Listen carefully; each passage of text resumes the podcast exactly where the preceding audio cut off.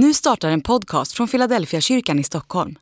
Om du vill komma i kontakt med oss, skriv gärna ett mejl till hejfiladelfiakyrkan.se. Dag 258. Ren och oren. Medan han ännu talade kom det bud till synagogsföreståndaren från hans hem. Din dotter är död, besvära inte mästaren längre. Jesus hörde det och sa till honom, var inte rädd, tro bara så ska hon bli hjälpt. När han kom fram till huset lät han ingen följa med in, utom Petrus och Johannes och Jakob och flickans far och mor. Alla grät och höll dödsklagan över henne, men Jesus sa, gråt inte, hon är inte död, hon sover.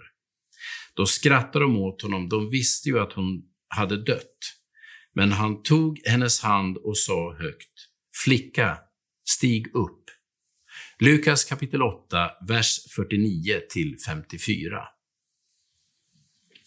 I berättelsen om Jairos dotter finns några detaljer som fick alla varningssignaler att blinka för de som en gång läste berättelsen. När Jesus kommer fram till Jairos hus är flickan död. Vi tolkar det som en stegring i svårighetsgrad för själva helandet. Men för de första kristna, som alla var judar, var det ett helt annat varningssystem som kickade igång. Den som var död ansågs oren och att röra vid en död innebar att man själv blev oren och därmed utestängd från gudstjänstgemenskapen. Visserligen bara för en tid, men ändå. Därför var det i regel bara de närmast sörjande som tog hand om den döda kroppen. Alla andra höll sig på avstånd. Det är därför Jairo ser allt hopp försvinna när budet om dotterns död kommer.